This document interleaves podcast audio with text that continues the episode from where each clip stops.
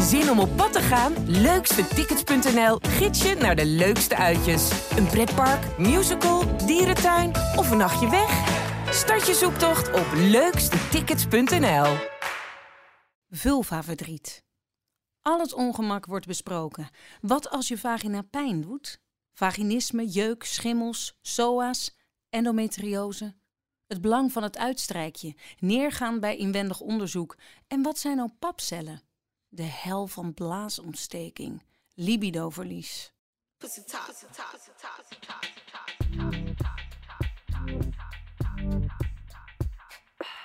Welkom bij de Vagina Dialogen. In deze podcast gaan we het nou eens gewoon hebben over onze vagina. Punani, voorbis, flamboes, douche, plumpy, gleuf, spleetje, joni, plasser, kut, foef, ossel, grot, Oké, in deze podcast gaan we de kut uit de schaamstreek halen. We gaan dieper op de materie in. Met elkaar, met experts, maar vooral met jou. Wij zijn Marieke Voorsluis. En een Roggeveen. en Annemarie Jong. En samen met Libelle brengen wij je de Vagina-dialogen. Aflevering Vulva-verdriet. Oh, Want dat is er ook. Dat is Zeker. er heel veel. Het brengt ons veel genot, maar ook veel verdriet. Precies. Ik keek vandaag in mijn onderbroek en zag een grijze haar.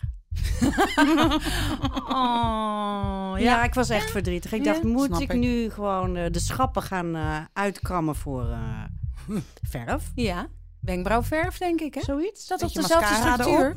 Ja, ja, permanent mascara. Oh, Maar wenkbrauwroller. ja, jij vertelde dat, dat, eh, dat de structuur Ja, van het zeker. schaam maar dezelfde Ja. structuur heeft als wenkbrauw. Dus Nou, dan heb ik een rollertje bij me. Gaan we zo even doen naar de opname. misschien krult het dan ook extra. Een wimperkrultang. En jullie dan? Actuele kutstand? What's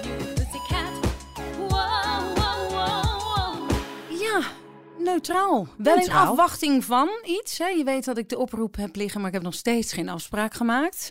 Voor het uitstrijkje en voor de verwijdering van de Mirena.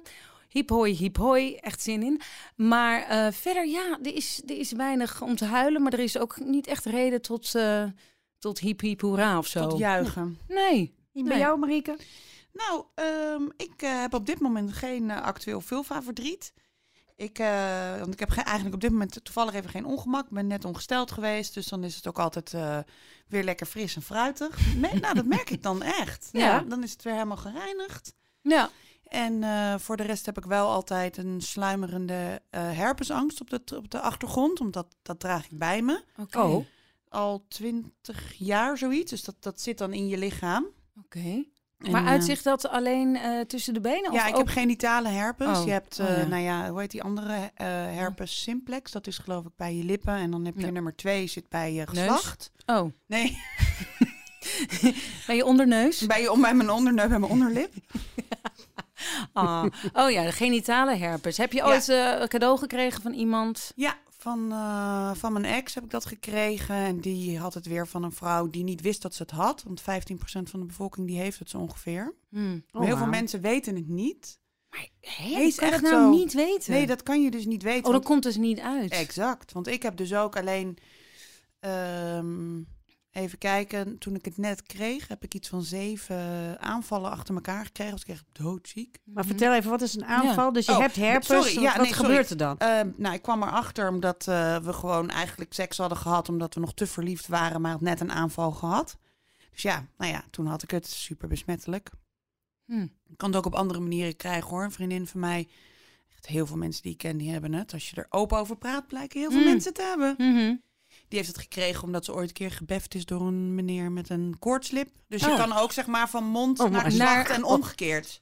Oké, dus het is niet daadwerkelijk onder de microscoop een ander virus? Dat weet ik niet eerlijk gezegd. Oh. Maar ik weet wel dat als je iemand pijpt met een koortslip, dan krijgt hij genitale herpes. En, Nou, dan... en je krijgt een koortslip als je, stel voor iemand heeft genitale herpes en die pijp of die bef je, dan Hmm. heb je daarna een koortslip.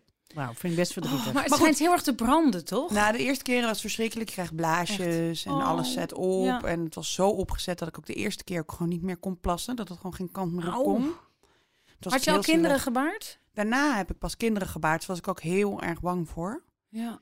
Maar dat is, eh, ik had toen geen aanvallen. Maar ik heb sinds die zeven, zo'n 19 jaar geleden, nooit meer een aanval gekregen. Oh, knock on wood. Maar ik ben er wel altijd bang voor. Als ik mijn klieren voel opspelen, dan zit ik daarna de hele tijd met de spiegel eh, te checken. Hmm. En als je zo'n aanval hebt, wat doe je dan? Moet je, kan je dan iets, iets slikken, iets, iets, iets Dat, je kan dan, smeren? iets... ehm, jawel, je kan dan eh, wel virusremmers slikken. Oké, Hmm. Dus als je vaak een aanval hebt, is dat wel aan te raden. Maar ik, ja, ik heb het dus nooit. nee.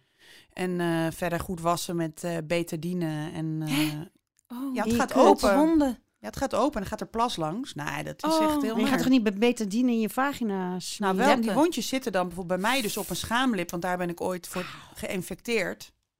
Ja, dat is gewoon, heb je een open schaamlip. Ja, dat is fietsen, geen pretje. Oeh. En, en dan draag je ook nog natuurlijk een verbandje tegen, tegen wondvocht. en Tegen zo. wondvocht en de betadine. ja, nee, ja, echt. Nee, dat is, Oh. hoeft niet. Sorry, dat is Nee, gewoon zo. maar ik moet lachen gewoon. Ja, Ja, is uit de zenuwen. En helemaal niet sexy natuurlijk. Oh, het lijkt me Oh, de hel. Maar nog steeds kijk ik regelmatig en heb ik dan niks. Maar als ik moe word en ik voel mijn klieren een beetje opspelen, dan denk ik altijd meteen.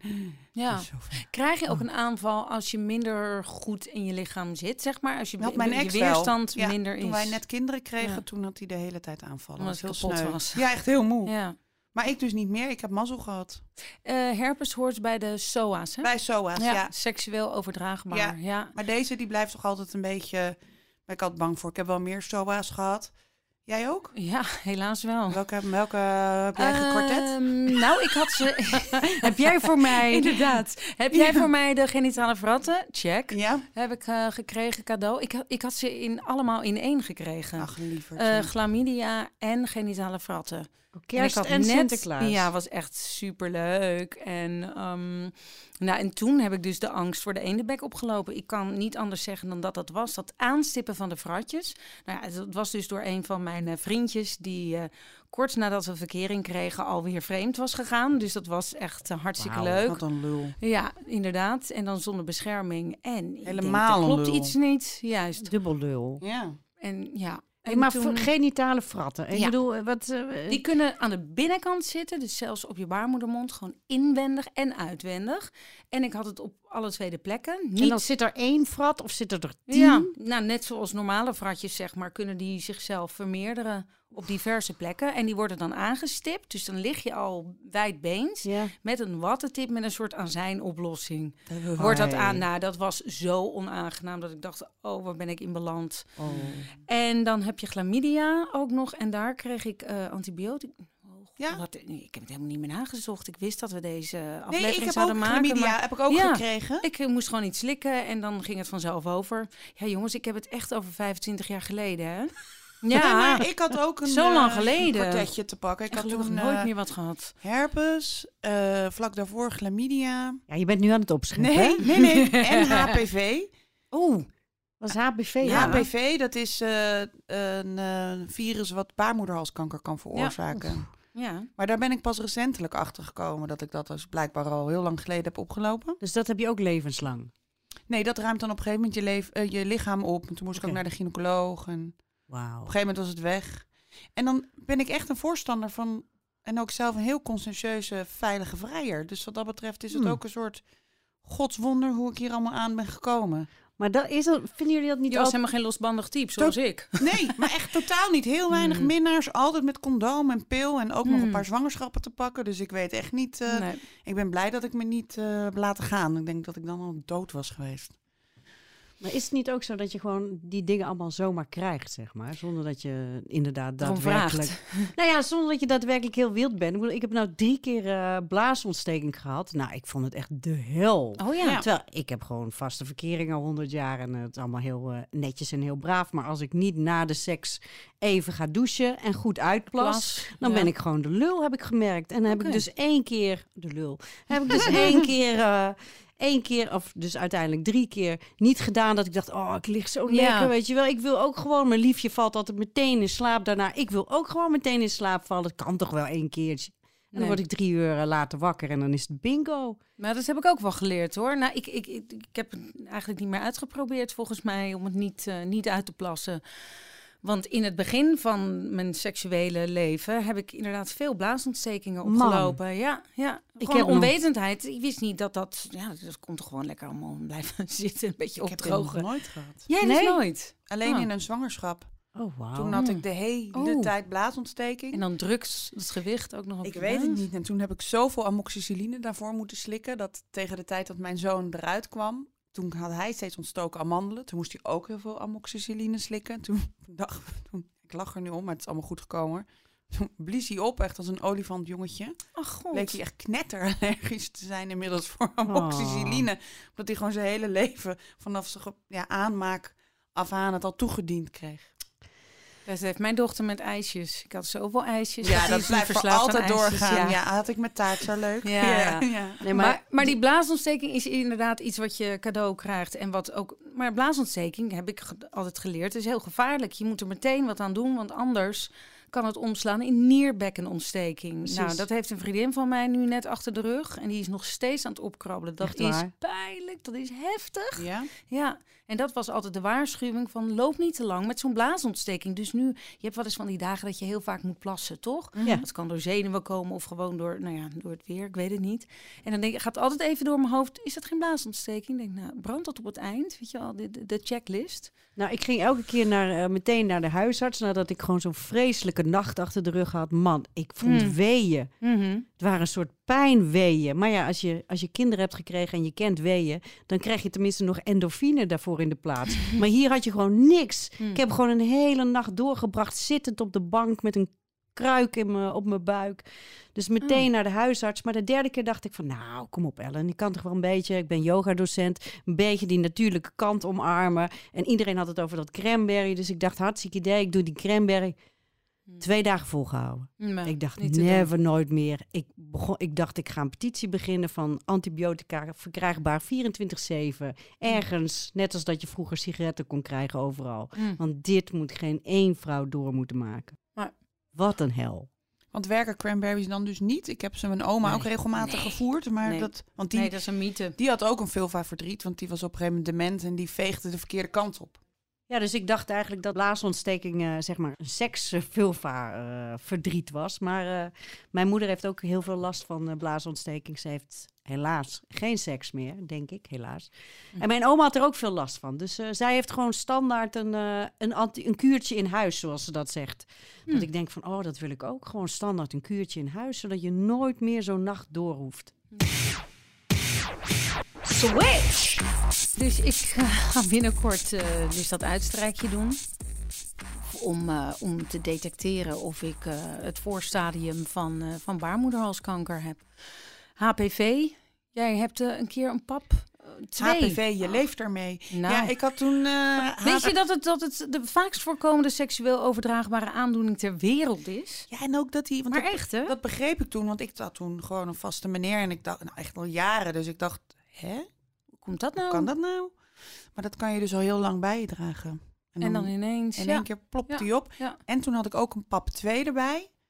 Ik weet niet meer precies wat dat Want betekent. het wordt onderverdeeld in paps. Dus je, Ja, je, en je- 0 je- tot je 5 wordt- geloof ik. Ja, je wordt, je wordt het uitstrijkt, je wordt naar het lab gestuurd. Dan krijg je de, eh, de, de uitslag. En dan zeggen ze, je hebt een pap 0, dat is goed. 1, hm, maar niet, eh, niet erg. Maar bij 2 begint Ja, het, al een twee beetje... of drie. Dan bij begint het te rommelen. Maar dan Ja. plus HPV vonden ze het wel goed om eventjes na te kijken. Gelukkig heb ik echt een ontzettend leuke gynaecoloog. Oké, Dus dat is super gezellig om Ja, joh? te gaan. Ja, nee, Oké. is echt zo'n leuke echt met vrouw. plezier. eh. Ja, zij is echt heel leuk.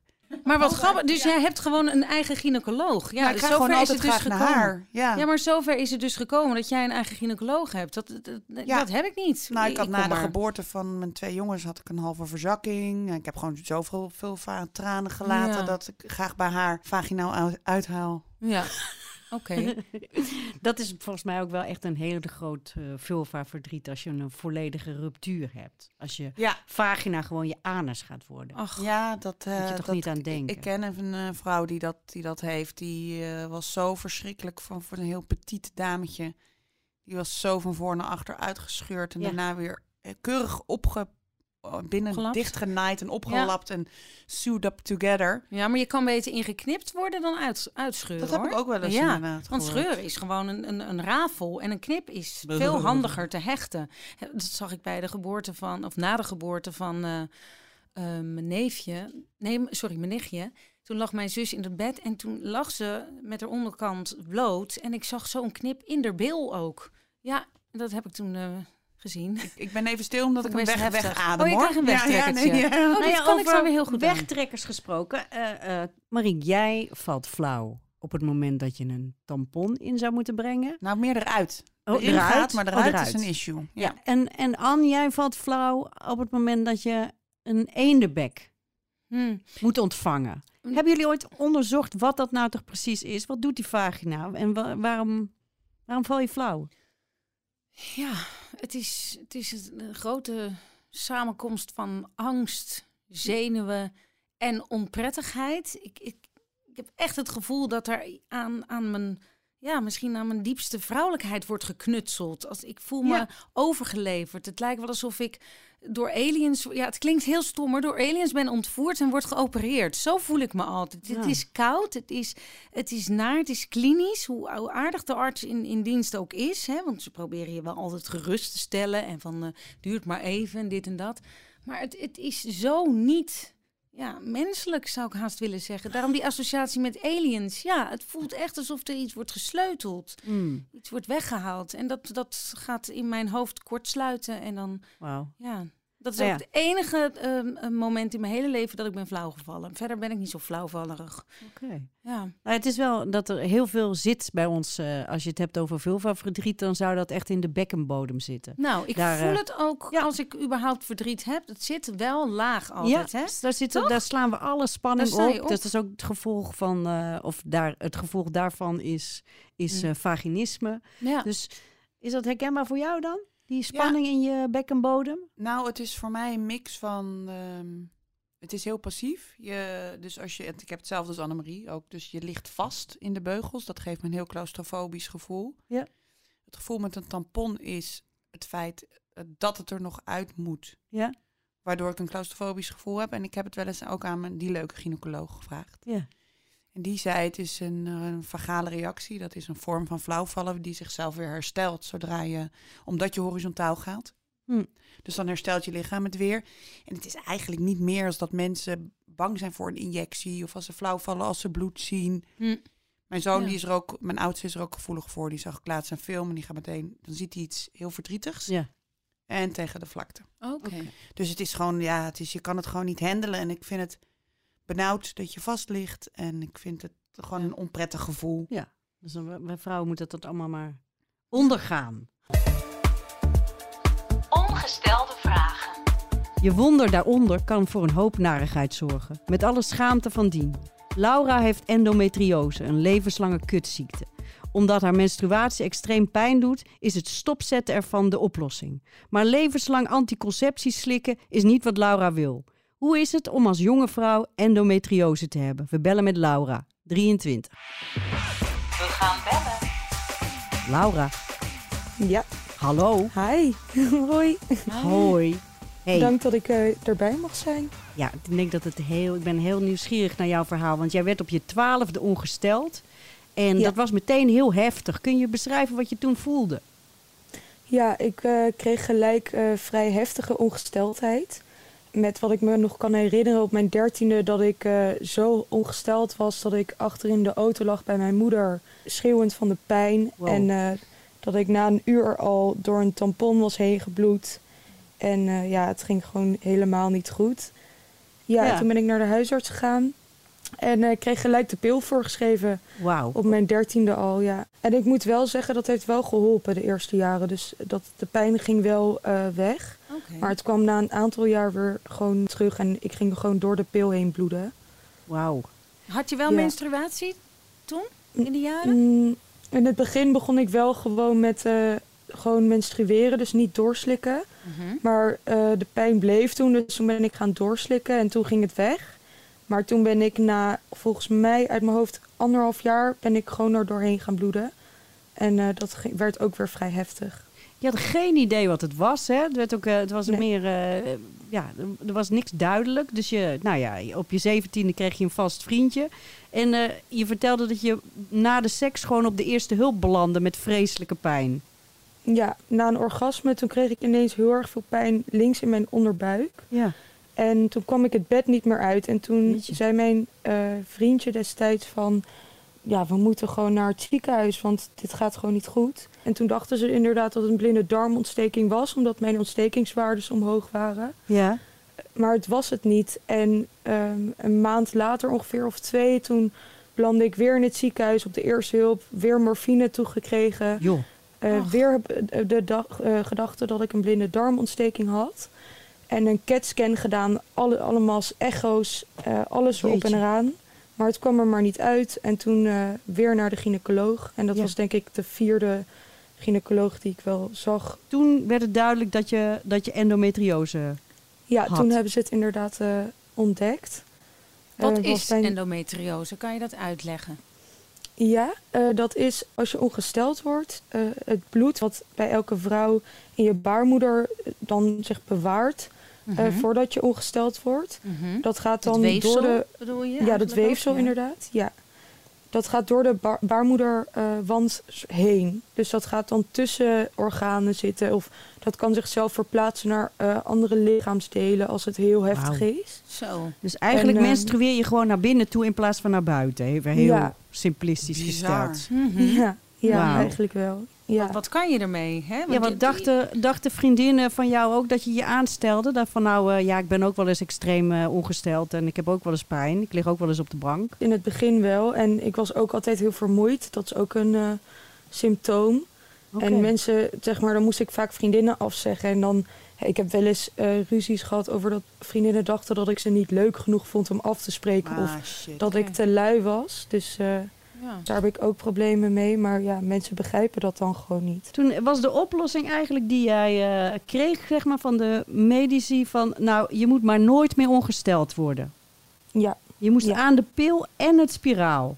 ja ik had, eh, destijds had ik nog een spiraal. Die kreeg ik op mijn vijftiende ook tegen de pijn. Holy moly. Ehm, waardoor ook heel veel op school ik gepest werd. Omdat ik eh, een spiraal had. Ja? Oh. Op, op zo'n jonge leeftijd. Ja. Alleen toen eh, met de diagnose, toen zei ze... nou, omdat je nu door je spiraal heen bloedt... want dat gebeurde ook na anderhalf jaar... Eh, moet je nu aan de pil. Hm. Dus toen ben ik, heb ik eh tweeënhalf jaar de spiraal en de pil gehad. Hoe, hoe ging dat dan met verliefdheden of met seksuele verlangens? Mm, nou, in het begin had ik nog nergens last van. Alleen eigenlijk eh, acht maanden geleden ben ik helemaal mijn libido verloren. En eh, dat, ja, dat was heel vervelend, want Ja. ik had net een jaar een vriendje. Maar ik wist ook niet wat er met mijn lichaam aan de hand was. Nee. En, eh, en toen heb ik eh, de drastische keuze gemaakt om gewoon compleet te stoppen met alle hormonen. Wauw. En dat is nu drie maanden zo en het is, mijn libido is weer helemaal terug. Ja, de huisarts was er op zich wel tegen. En die zei van kijk het even aan. En nu de ongesteldheid gaat wel steeds meer pijn doen. Maar ik wil het en dit keer gewoon zelf gaan uitzoeken. Want ik heb gewoon niet het idee dat er iemand is die mij kan helpen op dit moment. Dus er is nog heel veel te leren en te onderzoeken. Ja, En, en ben Ja. je zelf, je bent zelf toch voor je studie, heb je ook onderzoek gedaan eh, Ja. met een dieet? Waar ben je Ja. achter gekomen? Ehm, nou eigenlijk is er, het heet ook het endometriose dieet. En het is eigenlijk een dieet waar je eh, vooral geen eh, voedingsmiddelen eet waar oestrogeen in zit. Ah. Omdat eh, de vrouwelijke hormoon oestrogeen, die stimuleert juist endometriose. Ah. Mhm. Eh, Rood dus vlees dat- en vette vis zit het geloof ik in. Precies, en zuivel, suiker, Ja. alcohol, Suiker cafeïne, eh, voeding wat verpakt is in plastic. Oh, dat is een heel Spartaans dieet dan. dat je moet gaan ja, volgen. klopt. Ja. Laura, Wauw. Dankjewel. maak dat boek. Ja, Ja. heel belangrijk. Dankjewel. Ja. ja, heel erg bedankt. Jezus jongens, wat een, wat een verhaal dit. Gewoon zo'n jonge chick van 23, hotelschool doet ze, weet je, Ja. hele leven mee bezig. Moet gewoon natuurlijk gewoon feesten, drinken. Ja, man. En dan heb Maar je goed, dit. Au. Elf jaar lang, hè? Je, het zou je kind maar zijn. Dat je Ja. denkt, nou, dan, nou ben je al gesteld, meid. Ja, het is even vervelend. Maar dan krijg je dit verhaal. En dan moet je naar de eerste hulp rijden. En dan moet je naar een gynaecoloog. En dan, dan krijg je, krijgt die dochter de pil op de twaalfde. En, dus op weer weinig kennis erover. Hè? Dus daardoor ook dat je dus de vreemde eend in de bijt bent op school bijvoorbeeld. Ook dat. Precies. Ja. En dat er gewoon weer, en dat is er iets wat, eh, waar ik echt gek van word, dat het gewoon niet onderzocht wordt. Dus eigenlijk hebben wereldwijd vrouwen hier last van. Mhm. Puur en alleen omdat ze eh, van het vrouwelijk geslacht zijn. En er is nauwelijks iets over bekend. Je weet niet of het erfelijk is, je weet niet waar het vandaan komt. Nee. Niemand kan je helpen. Pijn van vrouwen wordt altijd minder onderzocht dan mannelijk ongemak. En dat is geen stoer gemopper van mij, deze uitspraak, maar het is gewoon een feit. Het is namelijk onderzocht door de Britse journaliste Caroline Criado Perez in het boek Onzichtbare Vrouwen. De boekbespreking. Hebben jullie dat een tijdje geleden meegekregen? Stond er veel in de krant over eh, hartinfarcten bij vrouwen. Ja, wij, wij hebben hele andere eh, symptomen. Wij hebben hele Ja. andere symptomen. Ja. Precies. Wij hebben niet die druk op de borst en pijn in de linkerarm. Dat zijn klachten van mannen. Precies. Onze symptomen zijn vermoeidheid Ja, en, en, en druk op, op de plek waar je BH-band zit. Dus, dus voor- Precies. ja, aan Dus de als jij als vrouw met die klachten bij de huisartsen komt, dan word je waarschijnlijk weggestuurd omdat je burn-out hebt of een beetje oververmoeid hebt. ja, die in plaats ballen van hoog dat je houden. precies, Ja, precies. Toch? Want Nee, wij vrouwen altijd maar... We moeten de ballen hoog houden. We moeten de bordjes oh, eh, blij- laten blijven cirkelen. En dat heeft niets te maken met die, met die arts dat die niet eh, Goed veel- geïnformeerd is. Precies, Wij moeten ook dat lijstje hebben. precies. Eh, dus hartinfarct in zijn verschijnen is en in zijn behandeling is mannelijk. Ja, want ook de behandeling is inderdaad een probleem. Zoals dotteren en zo. Dat kan bij ons gewoon niet zo makkelijk. Precies, we hebben een ander lichaam, een ander systeem en dat vraagt gewoon om een andere behandeling. Mhm. Dus het risico dat vrouwen bij, eh, aan hartfalen overlijden is groter dan bij mannen. Mhm. Omdat het bij vrouwen gewoon gemist wordt. En dat is wat deze dame heeft gedaan in dit boek. Het is echt een super aanrader. Zij verzamelde namelijk in dit boek allemaal voorbeelden van het ontbreken van onderzoek naar vrouwen. Waardoor wij eigenlijk onnodig pijn, gevaar en sterfte ervaren. Ik schrok er echt van. Wij worden namelijk niet meegenomen in, de onder, in, de, in het onderzoek, zeg maar. Dus er is gewoon geen data bekend, gegevens bekend Mhm. over hoe vrouwen op bepaalde dingen reageren. Mhm. Dus in eerste instantie vond ik het wel grappig. Weet je, was er een onderzoek, eh haalden ze een onderzoek aan over een autofabrikant die zijn eh, besturingssysteem eh, puur op mannelijke data had, eh, had ontwikkeld. Met als gevolg dat er een praktijkervaring was van een dame die in die auto zat. Volgens mij was het Ford. En, en iets zei tegen haar auto, zeg maar, om het te laten sturen. En die auto reageerde gewoon helemaal niet. Kon, kon haar stem niet aan. Die reageerde gewoon niet op haar stem. Maar vervolgens wel op het moment dat haar man die naast haar zat op de, op de bijrijdersstoel. Op het moment dat hij wat zei, reageerde de auto wel. Creepy. Ik heb het altijd al gehad, ook met de riem, dat ik eh, in de auto stap en dat als ik mijn riem losmaak, dat mijn haar altijd, als het wat langer is, verdwijnt, zeg maar, in, eh, in de deur. En dan roep ik ook altijd, deze Volvo is gemaakt door een man. Precies. Precies. Oh, zo. Ja. Ja. En, dat is dus, en dat is dus wat er komt. En zeker als het gaat om, eh, om, om, om, om pijn en, eh, en vulva-verdriet, eh, al die dingen meer. Pijn of klachten van vrouwen wordt gewoon te vaak afgedaan als psychosomatisch. Het is minder belangrijk. Het is maar iets wat we gewoon moeten dragen, zeg maar. Omdat we nu eenmaal vrouwen zijn. Ik hoorde, dat vond ik echt super. Hebben jullie die, die podcast wel eens geluisterd? Ja, ik ben dan in de overgang, dus ik heb hem dan geluisterd. Opvliegers van Alice de Bruin.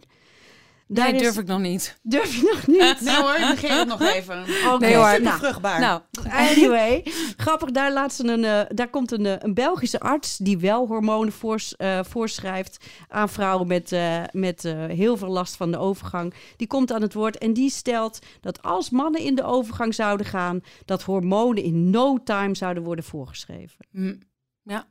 Nou, lekker dan. Onzichtbare vrouwen, jongens, ga het lezen. Ja. Wees geschokt over het feit dat er vijf keer meer onderzoek naar erectieproblemen is gedaan naar de- dan naar PMS. En PMS, gewoon 90% van ons vrouwen heeft last van PMS. Dus er is een batterij aan medicatie voor erectieproblemen en nauwelijks iets voor vrouwen. Onderzoekers willen wel, maar ze krijgen gewoon geen beurs, want PMS bestaat niet echt. Nee, is gewoon gezeik. Absurd echt. Switch.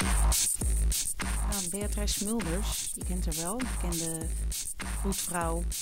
Die eh, heeft het over het geheugen van de vagina. Ja, maar Nou, gaaf mij dat. Ja, oké, dat Vertel gaat me te ver. Ik geloof wel, er zijn recente onderzoeken over darmen. Dat, dat darmen ook eigenlijk een soort hersenen zijn. Nou ja, blij- ja we blijven onderzoeken. Vooral bij vrouwen, daar valt nog heel veel te onderzoeken. En misschien zit er in de vagina ook wel een geheugen. Nou, geloof Nou. ik niet per se in dat, dat daar de kleine hersencelletjes zitten. Maar ik geloof wel dat als je een traumatische ervaring hebt opgedaan... of heel veel angst hebt of heel veel onzekerheid... dat daar die spanning gaat zitten. En dat dat vaginisme tot gevolg heeft. Ja. Mag ik dan eens een stukje aanstippen wat niet vagina of eh veel van verdriet, maar veel, veel van vreugde? Nou, Nou, ik, ik las dat stuk ook van Beatrice Smulders en ik geloof niet dat dat waar is, maar ik dacht wel, ik zou het wel andersom kunnen redeneren. Want als mijn vagina een geheugen zou hebben gehad, dat, dat, dat ik hem daardoor eigenlijk enorm verpest heb, omdat mijn eerste vriendje was echt superleuk. Een heel erg leuke eerste keer mee. hmm.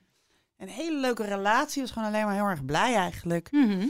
Waardoor ik echt, denk ik daarom, dat heb ik hem laatst ook een keer geappt, van ik heb zo'n positieve associatie met seks en alles. En ik denk dat dat door jou komt. ja, Dat het Ja. zo leuk was. En ook wel soms een beetje verdrietig, omdat ik het altijd bleef zoeken. Ja. En dat het niet altijd zo leuk was. Ja, je kan het ook omkeren, dat geloof ik Ja. ook. En je kan het ook interpreteren. Kijk, die Beatrice heeft zulke uitspraken, die, ja, die kan je allemaal eh, één op één eh, aannemen. Maar je kan, ze, je kan ze ook interpreteren. En ik denk dat wat zij zegt, dat de vagina geheugen heeft... en dat de eerste keer seks cruciaal is voor de rest van je ontwikkeling. Nou ja, denk Nou, niet dat alleen je de niet eerste geboren keer. wordt met vaginisme, laat ik het zo zeggen. Nee, dat geloof Dat ik denk ook. ik ook niet. Nee, dat denk ik ook niet. Dat is iets wat natuurlijk wel ontstaat. Een vriendin van mij, die heeft het. Die heb ik ook gevraagd voor de uitzending. Maar Oh. die vindt het zo verschrikkelijk moeilijk dat ze het ook niet Mm. over wil hebben. Nou, wat ik treurig vind, is dat vaginisme onder jonge vrouwen gewoon aan het toenemen is. Hmm. Er is ergens een druk van neuken is seks. Ja, Dus, Penetratie. Dat is waar. dus dat seks ja. is penetratie. Dus het hele ding van, van elkaar beminnen en eh, eh, is eigenlijk een beetje aan het wegzakken. Dus die, wij zijn de ontvangende partij. Dat is ook waarom wij last hebben van vulva-verdriet, zeg maar. Mhm. Van allerlei klachten en aandoeningen. Omdat wij iets naar binnen moeten krijgen. En voor die vrouwen voelt dat zo'n druk. Weet je, ik weet nog dat er een vriendje vroeger tegen mij, mij zei van, of dat we vrienden, vriendinnen onder elkaar tegen elkaar zeiden van, eh, ja, hij doet niet aan voorspel. En voorspel was dan voor de meisjes, want die moet je dan even opwarmen. Warmen, want dan kan en die dan erin. komt het Ja. echte werk Ja. en Ja. dat is het neuken. En jonge vrouwen voelen kennelijk de druk dat ze meteen ready moeten zijn voor die penetratie. En als dat niet eh, lukt of niet, eh, niet prettig is, krijgen... of het is gewoon niet prettig, dan hebben zij het gevoel van falen. Kijk, die jongen die ramt gewoon door, even onaardig gezegd. En die komt er waarschijnlijk wel. Maar dat meisje of die jonge dame niet. En dat vind ik toch echt wel heel erg kwalijk. Dat moet echt gedraaid worden, dat hele idee van voorspel, hoofdspel, naspel. Juist, laten we het daar in een andere aflevering eh, eh, nog meer over gaan hebben. Want Goed eh, idee. de vagina en seks, dat is een hoofdstuk apart. Maar het grootste vulva verdriet, hè, Ellen, dat vinden we toch wel een abortus. Oei. Toch? Ja. Weet ik niet of dat het grootste verdriet is, maar het is wel heel heftig. Nou, voor, in ieder geval als wij hier vanuit onszelf praten. Mhm. Wij zijn allemaal gelukkig geprezen dat wij kinderen hebben gekregen, bijvoorbeeld. Mhm. En er, Ja. zullen, er zullen nog een hele hoop vulva ellende zijn waar wij helemaal niets van weten, omdat Nee. we het gewoon simpelweg niet zelf hebben meegemaakt. nee, Maar ja, deze podcast praat natuurlijk uit onszelf, dus eh, precies. We Ja. zijn geen experts. absoluut niet. Absoluut niet. Nee, hoor, en we geen- praten altijd elke uitzending met, eh, met één hè, een expert buiten ons drieën. Dus die iets zelf heeft meegemaakt. En ehm, ja, die abortus... eh, Die eh, punt. zijn er in ieder geval hier twee, eh, twee van de drie hier. Dus dat is toch alweer eh, 66,66 procent hier ja. die iedereen heeft meegemaakt. Hoe heb Mhm. jij dat ervaren, Ellen? Ja, eh, met terugwerkende kracht kan ik nu op dit moment nog wel heel erg boos worden. Omdat zeg maar, abortus nog steeds in het eh, wetboek van strafrecht staat. Dus dat je een abortus pleegt. Dus wij vrouwen worden gewoon misdadigers genoemd. De hele procedure die uitgedacht is, namelijk wij, wij moeten eigenlijk behoed worden voor een misdaad die we gaan plegen. Dus daarom moeten wij naar de huisarts om te laten zien dat wij het zeker weten. Dat wij volledig bij zinnen zijn dat wij dit besluit kunnen nemen. Mhm. Nou, daar word ik al helemaal misselijk van. Dat ik denk, hoe dan? Mhm. Denk je dat ik een van de randdebiel ben of zo, die Mhm. gewoon maar zegt van, ja, nee, eh, ik hoef het niet hoor. Ah joh, ja. Nou, dat, dat soort dingen, daar kan ik, kan ik nog kan ik heel erg boos om worden. Ja. Maar dat merken jullie al. Ja, ik merk Nou, het. je hebt En- niet veel nodig, toch? Nee, geintje.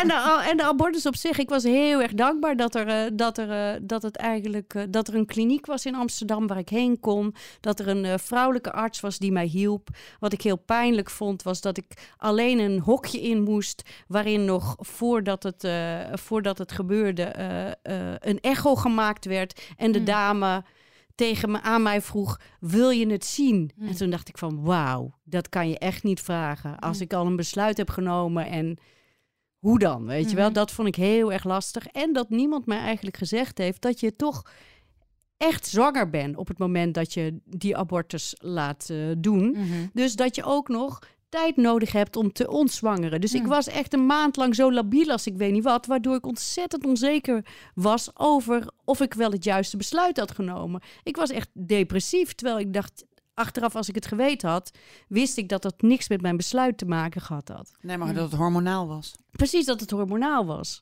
Ja. Nou ja, je mag wel verdriet hebben over je besluit, omdat je, je blijft Tuurlijk. altijd aan, daaraan denken, Precies. what if, hè? Maar dat wordt natuurlijk nog verhevigd door de hormonen. Nou, maar ik reken nog steeds ook terug. Want mijn oudste Hmm. zoon is nu 17,5. Hm. En dan denk ik toch weer terug van, nou, die, dan zou mijn andere zoon, want ik heb alleen maar het idee dat ik zoons kan maken, Hm. die zou dan nu 21, 22 Hmm. zijn geweest. Ik tel Precies. toch mee, Ja. ondanks dat, zeg maar. Nog steeds. Ja. Dat blijft. Nee, ik vond het ook heftig hoor. Ik vond het ook eh, toch het gevoel inderdaad dat je, dat je iets, je misdaad eh, eh, uitvoert, eh, niet Ja. aan andere mensen vertellen. En dan Ja. gaat het zo, ja, die en die heeft er ook een gehad. Maar Ja. het, is, het is een keuze of houden of, of niet houden. Dat, want er is geen andere keuze. Er is geen middenweg. Hè, je kan niet een half kind Nee. gaan, gaan Nee. opvoeden de, de Nee. 18 jaar daarna. En het lijkt wel alsof de ene keuze dus eh, zwaarder wordt eh, beoordeeld of bevooroordeeld eigenlijk. Ze weten niet wat het alternatief zou zijn geweest. Nee, Hoe kan je dan precies, kan ook je- niet. 18 jaar lang eh, dus in, in gebreken eigenlijk iets gaan opvoeden? Een, een kind, Nou, een ik, ik leven. twijfelde toen heel erg. Je, Want je ik- bent er niet klaar voor. De, dat is de, de reden waarom je een abortus pleegt. Het is, het is, Niet plegen, kan we plegen geen je pleegt abortus. het niet. Nee, We hoe- plegen geen abortus. Je, je neemt hem ook niet. Hoe, hoe doe je het? Ja, je hebt een abortus. Je, je- Nou, ik had je een, krijgt- uiteindelijk heb ik een brief gekregen. En dat was voor mij toen de druppel eh, de goede kant op, zeg maar. Van eh, een eh, vriend van mijn ouders die vertelde dat hij was geboren bij een moeder die eigenlijk geen ruimte had voor Mm. hem. En niet dat hij niet had willen leven, maar ehm, hij zei: Als je er geen ruimte voor hebt, moet je het echt niet doen. krijg je beschadigde En dat kinderen. vond ik zo'n Ja, mooie mooi. brief. En Ja. toen heb ik het gedaan. Oké. Toen heb ik daarna een eh, jaar lang echt fataal geleefd, omdat ik echt niks meer voelde. Ik moest mezelf zo afsluiten ervoor en ik vond het zo eenzaam. Mijn vriend had me verlaten, lalalala. Mhm, mhm.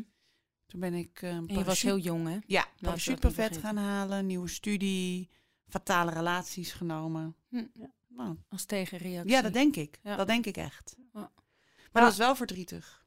Dat is zeker verdrietig. Ik, ik, ik, ik vind ook dat je, bedoel, ik was gewoon in de relatie die ik, in mijn huidige relatie, zeg maar. En ik denk wel dat het, het was ook, het had ook veel invloed op onze relatie, zeg maar. Dus het was mijn besluit, maar mijn liefje voelde ook de pijn, want hij had ook een wens. En hij had het graag gehouden, zeg maar. Mhm. Dus dat was ook een hele, eh, ja, eh, een, een- een spanningsveld wat we eigenlijk hadden. Ik wilde hem ook geen verdriet doen, maar ik wilde mezelf ook geen verdriet doen. En dat heeft heel lang eigenlijk doorgespeeld in onze relatie. Dat was best heel lastig, zeg Maar- maar.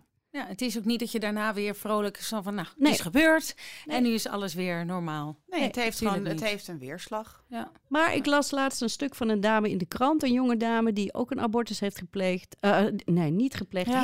Nou, ja, dat zo zit in ja, bij mij ook hoor. Nasty. Net als met zelfmoord gepleegd. Bah. Dat klinkt, van, Nee, denk, nee, nee. uitgevoerd, gehad, gedaan. abortus Nou, deze dame had een, had een abortus gehad Mhm. en was er eigenlijk heel, eh, heel sec over.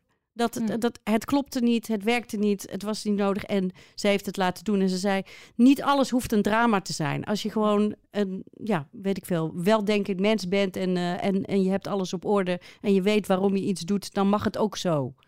Dus dat vond ik ook wel weer echt, eh, ver- ja, niet verfrissend... maar Nee. ook weer een nieuwe kijk erop. In de volgende Vagina-dialogen hoor je dit. Stel je voor, ik zou doodgaan als maagd. Dat leek me toch wel het allerergste. Stond er vrij praktisch in. Eh, een fles kanij. Eh, eerst- Ja, kanij. Kanij, een beetje ijs erbij. En eh, toen zei ik heel romantisch, toen die zei, doe ik je pijn? Nee, duw maar door hoor, dan hebben we het gehad. Alle afleveringen van de Vagina Dialogen zijn te beluisteren op libelle.nl en op alle podcastplatforms. Voor vragen, opmerkingen en tips mail ons op info@bureauvrouwenzaken.nl of DM ons op Instagram @bureauvrouwenzaken. De opname en montagetechniek was in handen van Kevin Goes en het sounddesign is van Remy Unger. Groetjes en kutjes.